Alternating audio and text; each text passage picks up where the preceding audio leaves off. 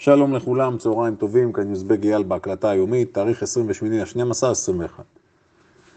ראשית, נתחיל עם ברכות. למי מגיעות ברכות? יש לנו את מחזיקי טסלה, שאני יודע שרבים פה בקבוצה מחזיקים בה, ואפילו אני, הפעם אני מוכן לכוון את זה באופן אישי ליעל. יעל שהיא מומחית טסלה שלנו, שיש לה שם איזה קשר כנראה מיסטי עם אילון מאסק, היא יודעת לקרוא את הצעדים שלו. טסלה עולה מ-900 ועוברת את ה-1100 בפרק זמן מאוד קצר.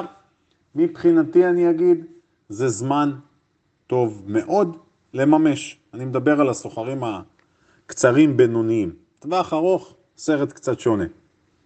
אז התחלתי עם זה. דבר שני, מגיעות ברכות למי ששם לב אתמול בהקלטה, דיברתי על מניית AEHR, והיא עלתה אתמול דו-ספרתי משמעותי. רק אני רוצה להסביר משהו. המניות הללו שאני מעלה, כשאני מדבר עליהן, אני לא מעלה סתם דברים, אני תמיד מחפש דברים שאני בעצמי עוקב, מאמין ורואה שם פוטנציאל. אז מי ששם לב יותר זה בסדר, מי שטווחים יותר ארוכים, גם על זה אנחנו נדבר יותר בימים הקרובים לקראת השנה הבאה, אנחנו נבצע איזושהי הערכת מצב, אילו מניות יכולות להתאים לתקופה הזו, כי התקופה הזו תהיה שונה ממה שעברנו עד עכשיו. הלאה. עוד אה, חברה מעניינת זה נובה, NVMI הישראלית, אני אדבר עליה עוד מעט, אני אפרט, כי יש שם מהלך משמעותי מאוד, היא הכפילה את עצמה בתקופה הזו של השנה האחרונה, פלוס מינוס, הרבה מאוד חברים נהנו, אני רוצה לומר כמה דברים לגביה. לפני כן רק אני אציין שדיברנו על זה שסוף שנה ובשבוע האחרון בדרך כלל רוצים לסיים בצורה חיובית. נפחי המסחר מאוד נמוכים, מי ששם לב, מי שיסתכל על הנפח בספאי, ב-QQQ ובכלל באופן כללי מבחינת מספר המניות בנייסי ונסדק שהחליפו ידיים, אנחנו רואים שזה נפח נמוך וזו אווירת סוף שנה. מדוע אני אומר ברכות ואני שמח מאוד על העליות האלה? כי בעיניי יש הרבה חברים פה שהתיק שלהם לא בנוי בצורה הנכונה, התמהיל שם בעייתי. אז קיבלנו הזדמנות שנייה לתקן. כלומר, כשהשוק שובר שיאים, אנחנו יכולים לתקן, גם אם אני מרגיש לא נוח עם עצמי, ובדרך כלל מה שאומר לעצמו סוחר או סוחרת, שהתיק שלהם מופסד, הכאב הקשה ביותר זה לחתוך את העסקה המופסדת, כי הרציונל אומר, מה עכשיו אני אצא והיא בדיוק תעלה וכל הסיפורים הרגילים. אז פה יש אפשרות לתקן. אני תמיד אומר, כשאני מאחל לסוחרים ומשקיעים חדשים, אני מאחל להם בעסקה או בעסקאות הראשונות להפסיד כסף. כי רק מי שמפסיד כסף נותן כבוד לשוק. אז פה יש הזדמנות למקצה שיפורים, אני מבקש מכם, כל אחד שיקח את זה לאן שהוא רוצה, אבל זה צ'אנס מצוין. וזה בסדר גמור לחתוך עסקאות מופסדות. הבדיחה אומרת, שמעתם אותי, אני מניח כבר מתבטא, בעניין הזה הבדיחה אומרת שמניות שאנחנו מוצאים את עצמנו מושקעים בהן לטווח ארוך, בדרך כלל זה עסקאות סווינג כושלות שאנחנו פשוט לא מסוגלים לשחרר. יש בזה מן ההיגיון, תבדקו את עצמכם ואתם תראו שבהחלט יש לכם בתיקים הרבה מניות שכנראה לא הייתם נכנסים אליהם כיום, אבל זה בסדר, מובן. עוד נתון מאוד מעניין, אתם יודעים כמה שיאים שבר ה-S&P בשנה האחרונה? אז הוא שבר כמעט 70 שיאים, אם נדייק 69 שיאים. זאת אומרת, בתוך השנה היו כל כך הרבה שיאים, ולא משנה כרגע בדיוק איך מחשבים את זה, אם זה סגירה או גבוה שהוא פרץ.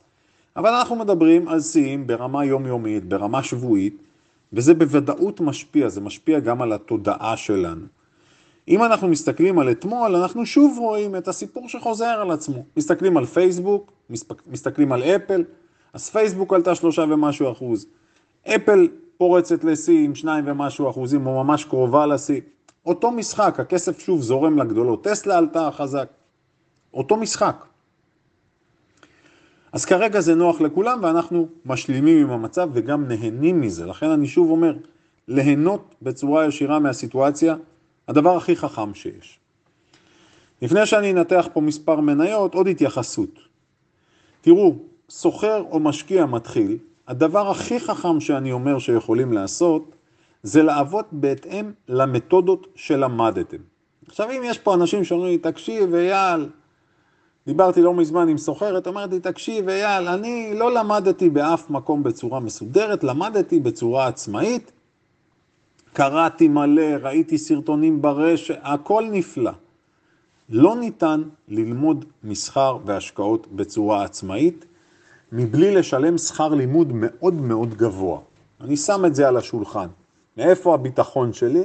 כי אני למדתי על בשרי, חוויתי את זה על בשרי. אז לכן אני אומר, הדרך החכמה ביותר להיכנס לעולם הזה, בהנחה שאתה רוצה להיות פעיל ואקטיבי, מי שרוצה לתת למישהו אחר לנהל לו את הכסף, זה גם בסדר, זה בסדר גמור אפילו. הדרך הנכונה ביותר זה ללמוד איך עובדים, בצורה ברורה מאוד. לא, לא לאלתר, ובטח שלא, תראו, מדובר בכסף. הרבה פעמים אני מדבר עם אנשים, אני שואל אותם, למדתם? שאלה ראשונה שלי, למדתם? לא. אז אם לא למדת, ואתה מוכן להשקיע, לא משנה כרגע אם בן אדם משקיע 5,000, 10,000 או מיליון דולר. אגב, כל הסכומים שאמרתי פה, זה משיחות עם אנשים, שאני מדבר חברים בקבוצות.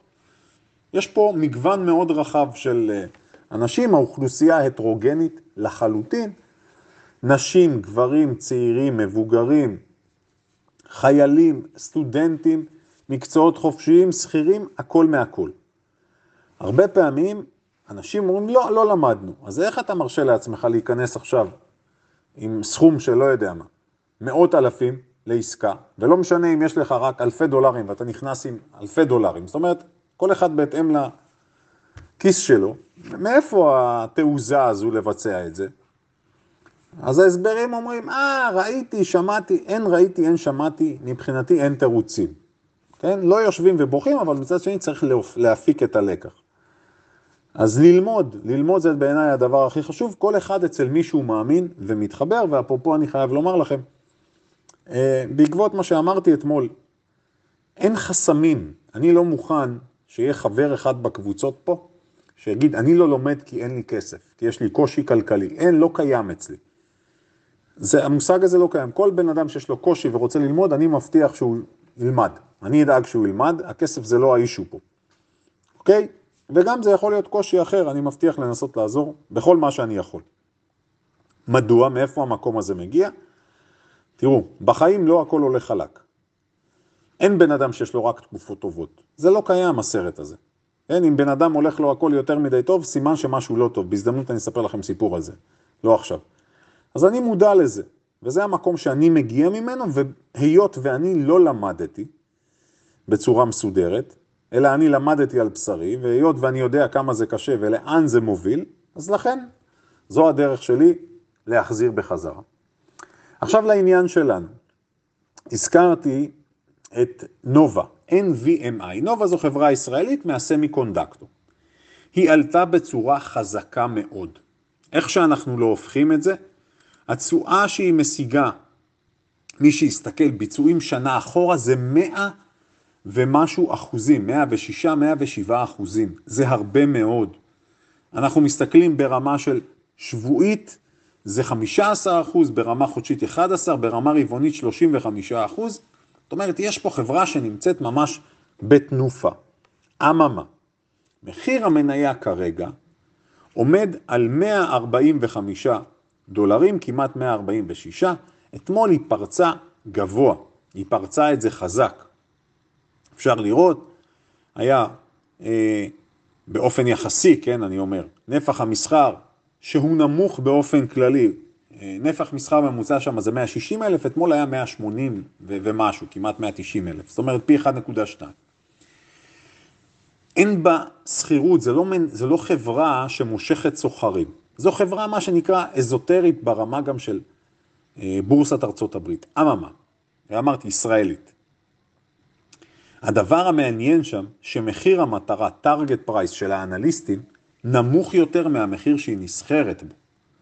וזה איזשהו דגל שאומר, תקשיבו, פה יש התלהבות מאוד גבוהה, אבל אפילו האנליסטים לא כאלה אופטימיים, כי המחיר של האנליסטים הוא 143 דולרים. ורק אני אדגיש משהו, תחזית של אנליסטים זה שנה קדימה. אז פה יש סיפור. באופן כללי גם תזכרו את מה שאמרתי עכשיו, שאתם מסתכלים בטח ובטח בתור משקיעים לטווח ארוך, שאתם מסתכלים על תחזית אנליסטים, תסתכלו אם יש היגיון, אם יש בשר, זאת אומרת, אם במקרה של נובה תחזית האנליסטים היא 143 דולר, והיא עכשיו נסחרת מעל זה, אז כנראה שאנחנו פספסנו את הרכבת, זאת אומרת, לקנות אותה עכשיו, זה כנראה לא הדבר החכם. היא סך הכל, ותבינו על מה אני מדבר, בנובמבר היא הייתה 110 דולרים. מי שיסתכל על התבנית הגרפית שהייתה בנובמבר, ופה אני פונה גם לתלמידים שלי, אוי ואבוי לכם, אם אתם מסתכלים על התבנית של נובמבר ואתם לא אומרים לי בואנה אייל, זאת הייתה קנייה בטוחה, אז עכשיו אנחנו בסיפור אחר לגמרי. זה לא אומר שהיא לא יכולה לעלות, זה אומר שהתזמון הוא תזמון לא נכון. זה מה שאני אומר בסיפור שלנו, בסדר? אז זה לגבי נובה, אז מי ששואל אותי, כן, אני הייתי מממש עכשיו. יבואו חברים ויגידו, יאללה, אנחנו משקיעים לטווח ארוך לשנים. גם בהשקעה לטווח ארוך לשנים, צריך להבין, יש פה מהלך שיצא של כמעט 50% בחודשיים. בסדר? לתשומת לבכם. הלאה.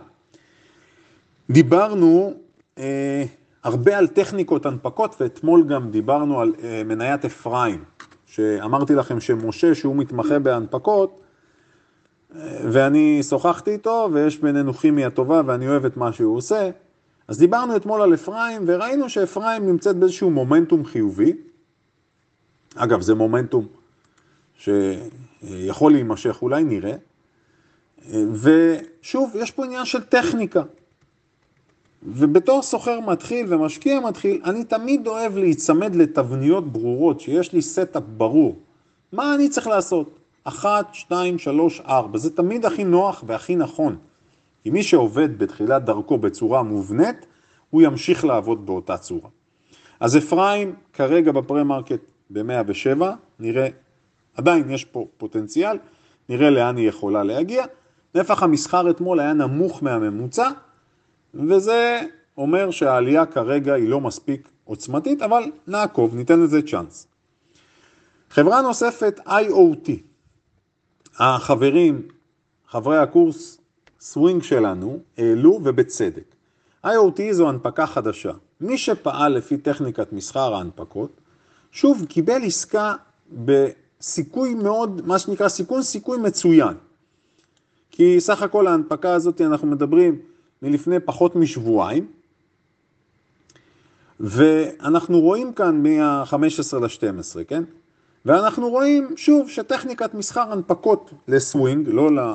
ליום המסחר הראשון, ברגע שהמניה פרצה את הגבוה, שזה אזור ה-25, היא הגיעה אתמול עד אה, עברת ה-31, ביחס סיכון סיכוי טוב מאוד, זאת אומרת, אני מסכן 2.5-3 דולרים, ואתמול זה הגיע ל-6 דולרים פלוס, זאת אומרת, יחס של 1 ל-2 מצוין. שוב, להיצמד לדברים הבסיסיים, זה חכם מאוד. הלאה. עוד משהו שקשור כן, מי ששאל אותי, היו שאלות לגבי הנושא של ה fundamental, זאת אומרת, ניתוח כלכלי. ככל שאני משקיע לטווחים ארוכים יותר, אז ברור שיש לזה משמעות לנתונים כלכליים ולפרסום הדוחות, ואני מזכיר שעוד שבוע, עשרה ימים, אנחנו נכנסים לעונת הדוחות של הרבעון הרביעי. אז אנחנו נראה שיהיה הרבה מאוד אקשן, ואנחנו גם נדבר הרבה על דוחות, תחזיות, מכפילים, אני אנסה לשלב את זה כדי להסביר. ו... נתון מאוד מעניין, קשור לחברות הישראליות, הייתה כתבה בגלובס, ש-22 חברות ישראליות הנפיקו בין אם באמצעות ספאק או בהנפקה ישירה של IPO, מתוך 22 חברות, חמש משיגות תשואה חיובית ו-17 תשואה שלילית. אתם יודעים מה הדבר המדהים בעיניי? שהחברה שמשיגה את התשואה הגבוהה ביותר זו חברת צים. עכשיו, אנחנו מדברים על רוב ההנפקות, אלה הנפקות שהן טכנולוגיות, הייטק. אז דווקא חברה שכעיקרון היא הכי משעממת בעולם, מה זה צים? אפשר להגיד שצים זה אוטובוס, אוטובוס של מכולות בים, בסדר? אם אני ככה מפשט. אז דווקא החברה של התעשייה המסורתית הכי פשוטה שיש בעולם, היא משיגה את הרווחים או את התשואה הגבוהה ביותר, וחברות אחרות, אם אני מסתכל על איירון סורס וטבולה ואאוטברין ופיוניר ופלייטיקה, מציגות הפסדים אדירים. אם אני מסתכל על ריסקיפייד ורי ואינוויז, אנחנו מדברים פה על הפסדים במקסימום של עד 80 אחוז כמעט. אז ההסבר נעוץ, ופה אני כן הולך לקטע הפונדמנטלי, ואני אתן לכם דוגמה. מה זאת אומרת? שאני מסתכל על חברה כמו סנטינל 1, שווי השוק שלה נכון לעכשיו הוא 14 מיליארד. אבל אם אני הולך ומסתכל על הביצועים הכספיים שלה, אז הביצועים הכספיים שלה הם מאוד חלשים. מה זה מאוד חלשים? ההכנסות שלה מתחת ל-100 מיליון ברמה שנתית. אז כשאני מסתכל על דבר כזה, ואני אומר, והיא, כמובן שהיא מפסידה כסף, כי זו חברה שהיא בצמיחה, אז זה בסדר, אני מבין, חברה שצומחת לא מחפשת להרוויח, אבל איזשהו היגיון שפרופורציות, אם אני לא מסתכל על מכפיל רווח, לפחות שאני אסתכל על מכפיל מכירות הגיוני. וכשאני הולך ואני בודק את זה, אני רואה שברוב החברות, אנחנו מקבלים דברים שהם לא הגיוניים, כלומר, הערכות השווי האלה הן הערכות שווי מוגזמות בעליל. עכשיו, כן, אני אומר חד משמעית, כבר ברמת התמחור הזו הנוכחית של הרבה מהחברות, זה כבר מתחיל להיות הגיוני יותר להשקיע בהן. איך אני קובע את זה? אמרתי, טריק ידוע שלי, אני מסתכל אחורנית, טרם ההנפקה, טרם המיזוג של הספק, ואני בודק מה הייתה הערכת השווי הקודמת, evaluation מה שנקרא. עכשיו, ככל שהפער הזה גדול יותר בין הערכת השווי האחרונה עד להערכת השווי בהנפקה עצמה, ככל שהפער גדול יותר, אני מבין שהמניה מתומחרת בחלום. עכשיו, כשאני הולך אחורה ואני מסתכל עכשיו, אחרי הירידות הנוכחיות, אני הולך ובודק, אה, אוקיי, עכשיו השווי, נניח לצורך העניין, הוא שני מיליארד, ובהנפקה זה היה ארבעה מיליארד, אני הולך ואני בודק, אני אומר, אוקיי, הגיוס האחרון לפני ההנפקה היה לפי שווי של שני מיליארד. אני אומר, אוקיי, אז היא חזרה למחיר הטבעי שלה. עכשיו, מהרשימה הזאת פה, אני מציע לכם לעשות את הבדיקה הזו. בעיניי זה חכם מאוד, וכרגע זה אומר שיש לא מעט חברות שלטווח ארוך וגם פחות מזה יכולות להיות סופר אטרקטיביות. ממש ברמה כזו. אגב, חברה מהרשימה פה, חוץ מפיוניר שאני מאמין בה לטווח ארוך, חברה שמה שקורה שם הוא מאוד מעניין אותי, זה פלייטיקה. בפלייטיקה יש סיפור שאני מודה שאני לא מפצח אותו עד הסוף. כשהיא הונפקה, אני אמרתי, היא מנופחת בצורה מוגזמת לחלוטין. לא היה לי בכלל צל של ספק בזה שהיא מנופחת. אבל עכשיו כשהיא נסחרת, ב-50% מהשיא שלה הייתה בערך 35, עכשיו היא 17-18 דולר. אני מסתכל על הנתונים הכספיים. אגב, למי ששאל, אני אייל באופן אישי תמיד מסתכל על נתונים כספיים. זה סופר חשוב עבורי, במיוחד אני שוב מדגיש בהשקעות קדימה. אני מסתכל על דוחות, על קצבי צמיחה, הכנסות, מכפילים. אני, בהקלטות אני לא נכנס לזה, כי בדרך כלל זה מצריך גם הרבה מאוד הדגמות כדי לראות את זה ויזואלית. אז יכול להיות שבאמת אני אכניס גם סרטונים שקשורים לדברים האלה. אבל מי שלמד אצלי יודע שאין דבר כזה, זה מבחינתי סופר חשוב. אז כשאני מסתכל על פלייטיקה, קורה פה דבר מדהים, וכן, אני אלך לסוף. פלייטיקה בעיניי כרגע, לטווח ארוך, מצדיקה השקעה. למה? על סמך מה אני מבסס את זה? ההכנסות שלה צומחות בצורה מאוד חזקה. אם אני הולך, אני רואה בשנת 17 1.2, אחרי זה 1.5, ב-18, אנחנו מדברים על מיליארדים, אחרי זה 1.9 כמעט, ועכשיו 2.4 מיליארד, זה צומחת חזק. עכשיו זה כבר הופך להיות, שאני מסתכל על שווי שוק של 7 מיליארד, היא מכניסה כל כך הרבה כסף, זה יפה. מה עקב האכילס שלה? עקב האכילס שלה הוא מאוד ברור. בינתיים אני נותן לכם רגע לחשוב מה יכול להיות. וואו, אני רואה שההקלטה כבר 20 דקות, אוי ואבוי. עקב אכילס של פלייטיקה זה שהיא מפספסת בתחזיות הרווח שלה. עכשיו, אם פלייטיקה תפציץ בתחזית הרווח הקרובה, אנחנו נראה את המניה דופקת פה זינוק מטאורי. טוב, אז אנחנו נבדוק אותי גם. אני תמיד אוהב לבדוק את עצמי.